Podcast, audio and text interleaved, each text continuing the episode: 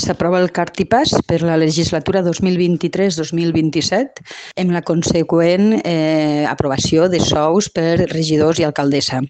Cal dir que eh, els sous serà, seran eh, similars als del 2019, és a dir, eh, crec que són 70 euros més, ara en referència al 2019, però en la diferència, en la gran diferència que la dedicació eh, per part dels regidors serà molt més gran. Per tant, se treballarà molt i millor cap, a, cap al poble. Pel que fa al personal de confiança i assessors, eh, val a dir que fins ara teníem una despesa de 88.000 euros en aquest concepte i ara hi haurà una despesa de 56.000 euros.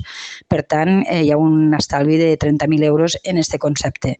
Des de l'equip de govern, eh, la nostra voluntat és de millorar i treballar pel poble de la Cala i així hem començat a fer-ho durant aquests dies.